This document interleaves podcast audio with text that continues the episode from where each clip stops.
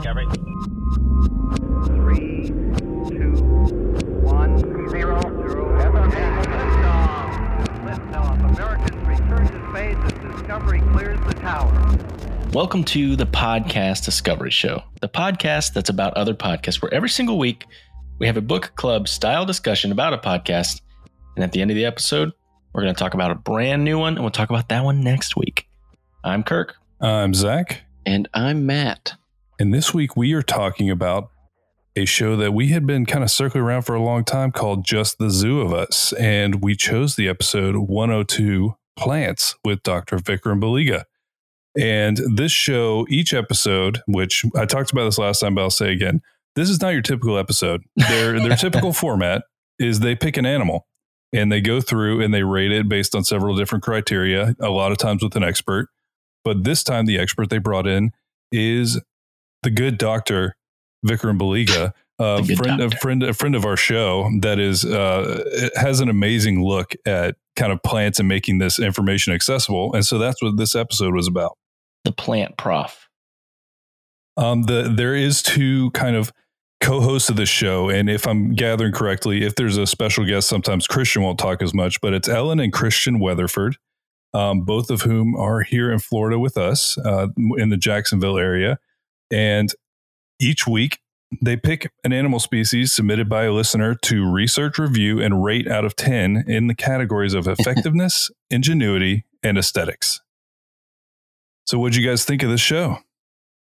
Very informative. I really liked the show. I, I had listened to a few episodes. I think I listened to one about tigers and then one about mooses and then one about sharks, I believe. It's Meese, And- I think. Meese? Yeah, that was it. I remember I remember learning that. I'm just kidding. I learned Um, that in geography class. um, but yeah, uh, I, I really liked the show, and I really like the format, like specifically on the animal episodes where they talk about. It's almost like building a D and D character, you know, like the attributes of the D and D character uh, and their stats. Which yeah, and that fun. checks out. Uh, both of them in their bios on their website mention that they like video games and that they like tabletop and things like that. So them adding stats to things as they're making a, essentially a, a D&D monster makes perfect sense. Yeah. But yeah, we first met Vikram after we uh, Kirk actually introduced an episode of his where he was doing a live, I guess Q and A type presentation about science fiction and how plants are similar to things that are already in science fiction. And then we ended up having him on our show. We were on his show. We've we've kind of hung out with him, and he just has really cool insight on all of this stuff.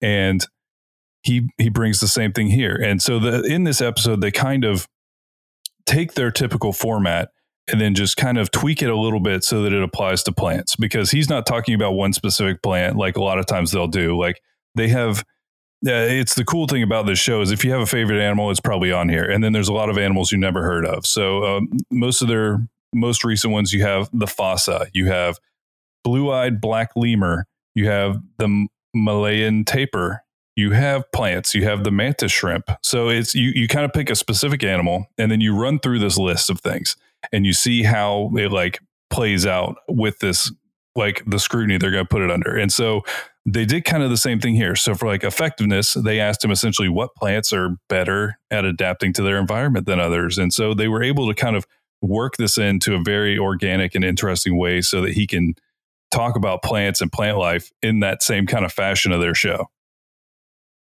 Yeah. and What did he start with? He started with that uh, that pine tree. You said he had mentioned with you guys before. The um, Yeah, he said it was his favorite his favorite tree. I forget the specific name of it, Zach. If you want to look it up real quick. there's some scientific. But it's it's what he has on his logo, and I, they were talking about like uh, he was mentioning how it could. They've found some that they've dated over five thousand years old, which is crazy. Yeah, and that the Yeah, wood I is think- so dense that like insects can't get into it, and even if they did, the wood itself has like insecticide in it. Yeah, I think it's So a, a bristlecone pine. That's what Yeah. is what this is called. And yeah, I do love, and I really like that you get very specific and it, different and interesting answers from Vikram because Mhm. this guy's not going to pick some stupid tree just like oh oak tree boring so he picks something that's it's visually really cool looking um, and yeah like you were saying it grows so slowly that it ends up being incredibly dense he said they were breaking bits trying to get a core sample of it to see how old it was and then they kind of put in this perspective that if there's one tree named methuselah that they estimate to be around 5000 years old and then you put that in context of humanity and how much humanity and changes this tree has seen. And it's just kind of like outside of it almost. It's so old. You know, when you're talking Hmm. about something that's 5,000 years old, it, they, they compared it to the Ents from Lord of the Rings, and it's Yeah, kind of love- true. I love that nerdy uh, reference because I knew exactly what they were talking about. um, but that was great because they were talking about how like the Ents were like, yeah, you know, you guys are funny. You know, you- you're just these little guys. You'll you'll men come and go. You know, it's we've been here forever. You know, Um, I will say that he also mentioned another tree that was a bristlecone pine named Prometheus. And what he didn't mention, but makes perfect sense, was that it was cut down.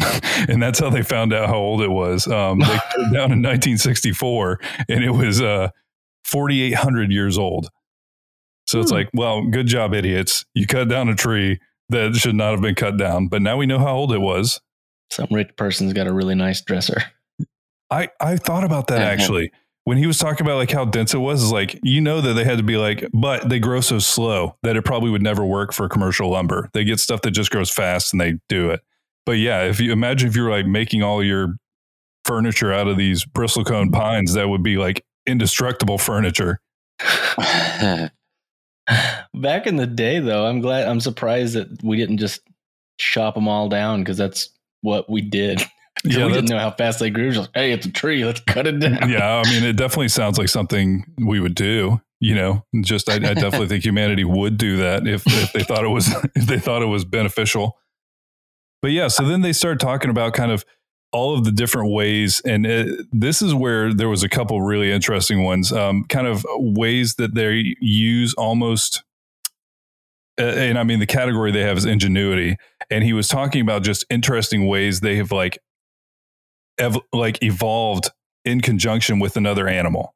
And that that part was super interesting to me. He talked about those he talked about lilies on here that literally they um i guess they have both like male and female sexual organs but they can change night to night essentially. It's so crazy. the the the night they open it's a female flower and they trick beetles into going in there and then they close around the beetle and then they turn into a male flower that has pollen the next day so when the beetle leaves in the morning it goes and pollinates other flowers and they described it as being locked inside a wendy's Yeah. i consider it like it's i don't know that the beetle would hate that that seems you kind of like if, if you're at the bottom of the food chain and you're like, oh, I went in there and they gave me food and then he gave me a hug all night and then it let me go the next day and I just went and rinse, repeat my entire life. That's not getting locked in a Wendy's. As- That's much nicer than that. As someone who's gotten locked in a Wendy's, it's not that bad. free fries all night. I don't know why they gave it to me free, but all Like, I don't know who this guy I is. I don't know who this guy is, but I feel bad. Just give him some food. Just Yeah. give, give some food to that guy.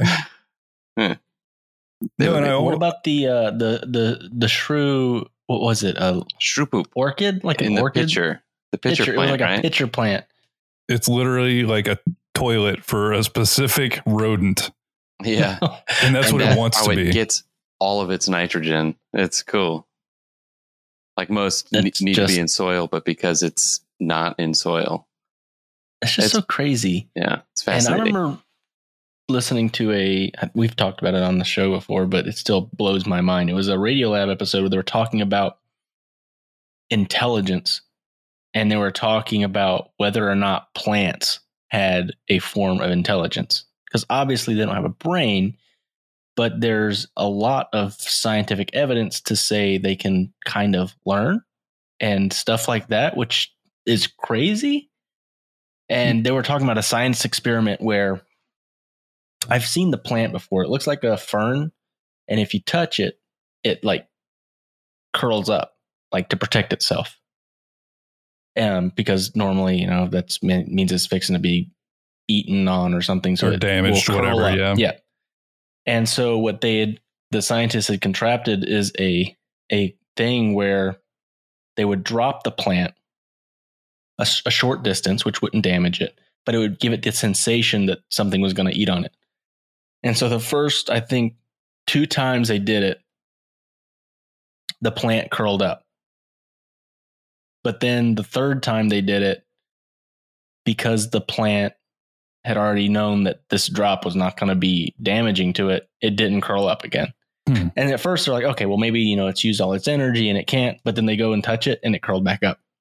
So it was Hmm. like it had learned, hey, this drop is not going to hurt me, but it was still had enough energy to still curl. It was it was just it was really fascinating. No, no, talked about other things, but the fact that plants kind of have this, it's almost it's like a it's like an intelligence, but it's not an intelligence. You know, it's hard to even explain. Yeah, No, it's and I great. read there's this there's a new book and slash like research project that's starting to circulate now and like literally has been optioned for movie rights at this point too. There is a researcher, I, I Dr. Susan Simard, I think, um, out of Canada, and she has research that's called Finding the Mother Tree. And the entire premise of it is not only are forests communicating with each other through the microbial life in the soil somehow, but there is like a hierarchy there is like a tree that has more say than others. And so like I it's one of the really cool things about this time. Tree I- mafia. yeah, there's a, there's a lot of mm. stuff happening that is negative all the time right now. But you start to look at how much better we're getting at using technology and understanding things and there's just some it feels like every day we're having a new breakthrough in something. We're finding out something that we never could have conceived of before and understanding things that have always been around us but we see them through a new lens because we're able to like look at that. And so it's just it's really cool to kind of see these things and it's always been a, a fun part of this Well, and I, I, I thought it was really interesting not to skip all the way to the end part because there are definitely other plants that they talk about. But when they started talking about how trees can sense the green light from other trees Mm, and mhm. give them enough space so then that they don't take up their sunlight. And it was like, okay, so they're like sensing things. And when it talked about um, how their roots will send out certain chemicals that'll like push away other trees as well. What, and what was he talking you- about? Walnuts and pecans have like almost like an herbicide in built-in them. Yeah. herbicide, basically. Which I is I kinda- not know that. Yeah, me neither. And we read about, or we learned about this recently at work too, where um, brassicas, collard greens, and uh, broccoli and things like that, they do the same thing. Like a lot, many, many plants like to use the microbiology of the soil to get food. But there is some families of plants that are the opposite. They're like everything get away from me, and they will literally put things into the soil to push away all that microbiology that would essentially stunt slash kill normal plants, but that's just how they have evolved to like thrive in their situation. And so that's it's just always been so fascinating uh, Yeah. to like hear how specifically plants evolve. Like is any possible environment. That was one of my favorite parts about this episode was them talking about the desert plants and all of the like because I you, you always see those cactus, you know, you see a western, mm-hmm. you see the giant cactus, but you don't think about all the very specific things that it's done to thrive in a desert specifically. Like he described it, and it was slightly disturbing, like a wet cucumber was the inside of a cactus. I mean, that's just that's just Vikram being awesome. But yeah, it's like a wet cucumber that is covered in spines, but they're leaves. And so what they're doing is cutting down surface area so they don't like have as much evaporation from the leaf and they can like conserve more water. And so something even like the spines, the most like yeah, and I wouldn't have thought of the spines as leaves either, you know? And uh, him explaining that was fascinating how there's kind of only a few parts of any plant, and we see the difference, the differentiation that's happened through time.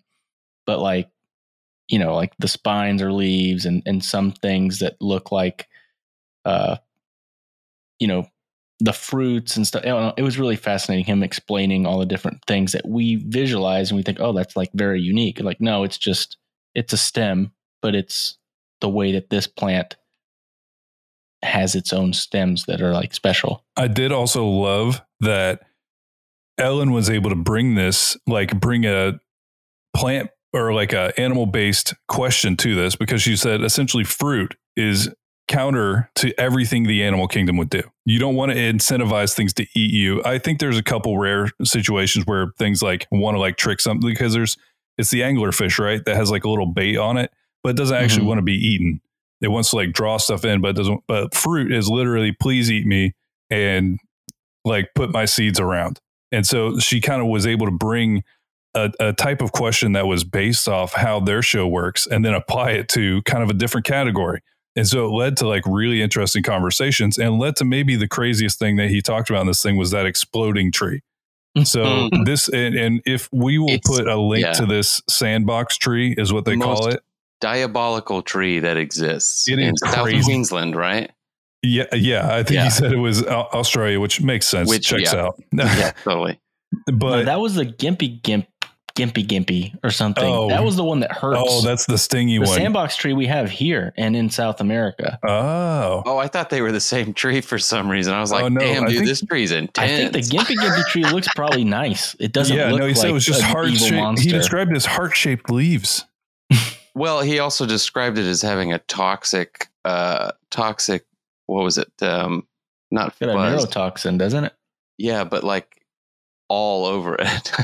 I, I Yeah. will say it doesn't look like anything, which is a problem. Like if this was, That's bad. if you were just like hiking, you would not notice this tree, you go, Um, I'm tired, and lean against it. and it will like it will wreck your world. I think And- you had a discovery a, a while ago, Zach, about it, or one of us did about that tree. Yeah, I remember that because people were like, it like com- causes people to commit suicide because it won't stop. The needles like stay in you, and literally, like he talked about in the Ooh. episode, like a cold shower or something can reactivate the poison in it, and then essentially it's all it's happening all over again. And it See, was people have felt pain as long as as, as long out as two years Jeez. from when Oh, they first were. I remember with the it. discovery now. The guy wanted to commit, or maybe did commit suicide because he used it after going to the bathroom. Oh, Yeah, I remember that now. Yeah, basically the worst possible thing that I you can that imagine. He didn't, but I remember him saying that it gave him like literally feelings of impending doom. Wasn't it that? Like it, it, it, it was like. I mean, who could just who could blame him? Honestly, with that with that setup, Oh. that sounds like impending doom. Ah, But yeah, the sandbox tree looks like a cactus from hell because the entire thing is covered in huge thorns. It is toxic in basically every way. It is the most standoffish tree that has ever existed. It doesn't want any interaction from anything. And then it has pumpkins on it, like little pumpkins, that when it dries out enough will fall from the tree and explode and can shoot seeds at 150 miles an hour and up to 300 feet away from the tree and that was uh that was quite the thing to think about and so we looked up videos i mean they're terrible we can put the best one we found because Yeah, there's not there's great not great videos. videos of the seed exploding there's some though Probably because you don't want to be around it. i think that is why they're like i'm not putting a camera in front of that thing get out of here I did see a news video of someone that was a casualty because of it. that was interesting. Um, no can you no, imagine just walking through the forest and it just falls Yeah, they and, say like, like, it, it- sounds really loud too. it looks like a grenade honestly. When Huh. it when it explodes it looks okay so imagine orange sections but they're dried out and when it hits the ground all the sections shoot off really fast and explode outward. And so that would be uh quite the thing to happen while you're on a, a gingerly hike through the woods. So i mean i'm i guess it's just that guy had the worst luck of that day. He won the the reverse of the lottery uh, But yeah, overall, really like the show. Uh, you know what I was thinking about when I wa- listened to this? I have a couple times, uh, at least to you, Kirk, I kind of talked about how I miss Discovery Channel and Animal Planet from when we were kids. hmm. You know Yeah. that that feeling of you can watch Steve Irwin and Jeff Corwin, and you you can actually watch animals and not like reality shows about cats. And I I miss that, but then at the same time, there's just a new avenue now because you Mhm. you put a show like just the zoo of us, and then what I would consider like a the the cousin the the amazing cousin where you just put them both together and it's great. Um, varmints So you listen to Varmints and Just the Zoo of Us, and you kind of can scratch that itch. You can learn about animals from people who really care about them, and it just it makes it really a different format, but it's still kind of there. And so that's kind of what I was thinking about. I was listening, I was like, you know what, this is kind of that same feeling I would get where it's just like you're hearing interesting things about animals and it's fun. It reminded me of kind of the good old days of Animal Planet and Discovery Channel. Yeah, I, I had my kids with me when I was listening to this, and they got in the truck and they heard that I had a podcast. I was like, oh, they're like, oh gosh, and then like four minutes in there, they didn't say anything and they were just listening because it was fascinating, and it, they didn't complain anymore because it was good. You know, it was very interesting to hear about all these crazy plants. You know, and um, and of course, Vikram's a great presenter, and uh, Out, out of curiosity, Kirk, eh, what did they rate uh, tigers? If you remember. I do not remember. I listened to that a long time ago. Oh, did you? Oh, Yeah. I'm just curious if it's like tiger. Eh, three out of ten. you know. I forget what uh, what expert they had on there, but it was a really good expert. I think he like worked at a zoo specifically with tigers or something like that. Wait, was but it, the Tiger King? Oh my god. Not Joe Exotic. that would be the worst expert you could possibly pick. It's like I went out there and I hit the tiger with a stick. That guy was an idiot. I've never seen anything like that show. that was that, sh- that show was a giant train wreck dumpster fire that you just couldn't stop watching. I mean, there was literally a dumpster fire that burned down his entire. Yeah, Thing. a magic dumpster fire Yeah. that eradicated all his crime histories. I mean, it would. I swear, we watched it at work, like during our lunch hours, and every episode somehow got more insane. So yeah, I'm not surprised it wasn't the Tiger King, but it would have was been not uh, Tiger King. it would have been a weird episode if it had been. Do you think Doctor, uh, the good doctor, is like the plant Joe Exotic? I I, don't. think he's way too nice for that. I mean, he might be like beating up his plants a little bit. I don't know. It's hard to tell. He did say that he hits himself on a cactus every time he's around it. I do want to just start calling him the good doctor because this isn't that like a like a goofy show somewhere too? Oh yeah. Um, oh, I also wanted to bring up the duct tape to get uh, cactus needles Mm. out of your Mhm. body. I was like, that's that's pretty clever. But I was also tip. like thinking of the physics. Wouldn't you have to like push in on the, the cactus needles in order to get them with the duct tape? I and then think pull it so, out? but I think he's talking about the fine ones, the really Okay, fine yeah. ones. Okay. Because I think Which the is really almost the only ones. experience I've had with cactus Yeah, that has 'cause- been negative is those. Yeah, Because everybody see 'em. knows not to touch the really spiky ones, but the Exactly. fuzzy ones.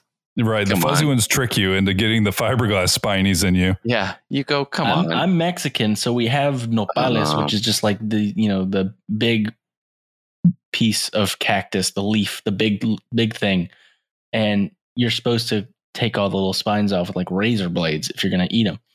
And I remember being a kid, I'm like, oh, it doesn't have any spines on it. It must be already cleaned. And I'm like picking it up, and, and I didn't know that all of those little bitty brown spots were were all the spines. And uh, my hands hurt for like weeks because they were so small. You just have to like look the right way to be able to see the the hairs stuck in your hand. Yeah, I will say that we we used to carry while I worked at the produce market. We used to carry tuna, so the prickly pears, the fruits on the Mhm. cactus, same thing. You think they're all fine? They mostly take all the spines off, but you grab one out of the box and you get stabbed pretty pretty bad. Uh, they taste good, but a billion seeds and they will stab you. But yeah, amazing, amazing show. Definitely Yeah, go really check was. out just the zoo of us. Go find an animal that seems interesting or find one you haven't heard of. Either way, it's going to be great because you're just hearing about animal animals from people who like clearly love them and want to learn as much as they can. Uh, you know what I, I want think to one see? of the cool Oh. things I learned about I think I was on this ep- this show about moose is that one of the things you never would think about is that moose are really good swimmers and in Alaska and stuff they'll like swim across like sounds to go to like islands and stuff and so they will be they multiple times have been seen being attacked and killed by orca whales which is insane to think That of is- a moose well, being if attacked I by a remember whale correctly, it's is that their primary predator? I think that's their primary predator is orca whales. just from swimming. Yeah, no, I, I oh, actually I think that's a like a fact. That's wild. That- but it's just so so crazy. I mean, could you imagine just seeing a bunch of whales attacking a moose? Oh god, just I wouldn't. it's I. I would just not know how I was feeling about life. I'd be like, "What is happening? There are whales attacking that moose." I that was but yeah, no, it was said. it was definitely a great show, and uh I have a recommendation for next week. Oh, the sh- the the show that we're going to recommend is a hot dog is a sandwich, and it's put on by two of the mythical crew from Good Mythical Morning. So it's the the chef Chef Josh, and um, I forget the other lady's name.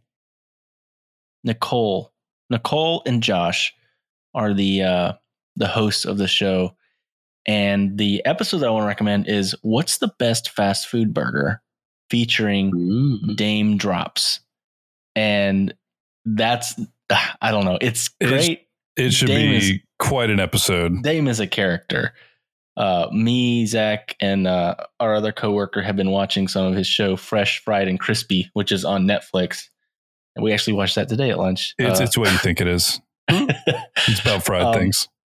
Ah, but it's it's so good though. He's so funny. The only thing I don't like, and Leah actually pointed out to me today. She's like, "This show, every time anybody's eating food, it's in slow motion." It is, and I I noticed that the first time, and it's terrible. We talked That's about the this only thing because it's like a close up of his mouth eating in slow motion. It's like I would not sign off on that. I'd be like, no, can you like put a black bar over my mouth when you're doing like when I'm eating it? That's that's weird that's a weird move to have that as part of your show. Hmm. But yeah, no, it's a good show though. but uh no it's a it's a it's a really fun uh discussion on the best fast food burger and i also want you guys to start thinking about what your favorite fast food burger is because ours our, ours are definitely going to be different because most of them are from like california so they have a lot different choices than we do In and out. i think they didn't even mention anything that i've ever tried I Hmm. think Josh mentioned like a Carl's Jr. at one point, and I know what that is. It's Hardee's here, but you know, Yep. even that was different. But uh, yeah, no, it's it's a really fun discussion, and So we need end to up- eat a hamburger every day for the next week, right? To I like always end compare up them. hungry after these episodes about food. Well, I will say that. We're all uh, gonna give ourselves health problems immediately by doing this test, but we'll do it for science. Oh. God, For science. for science. Well, thank you guys for listening so much, and remember, There's always more to discover.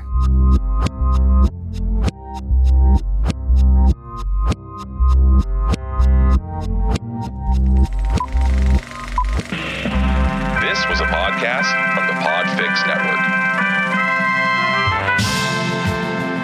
You can check out more shows like it at podfixnetwork.com.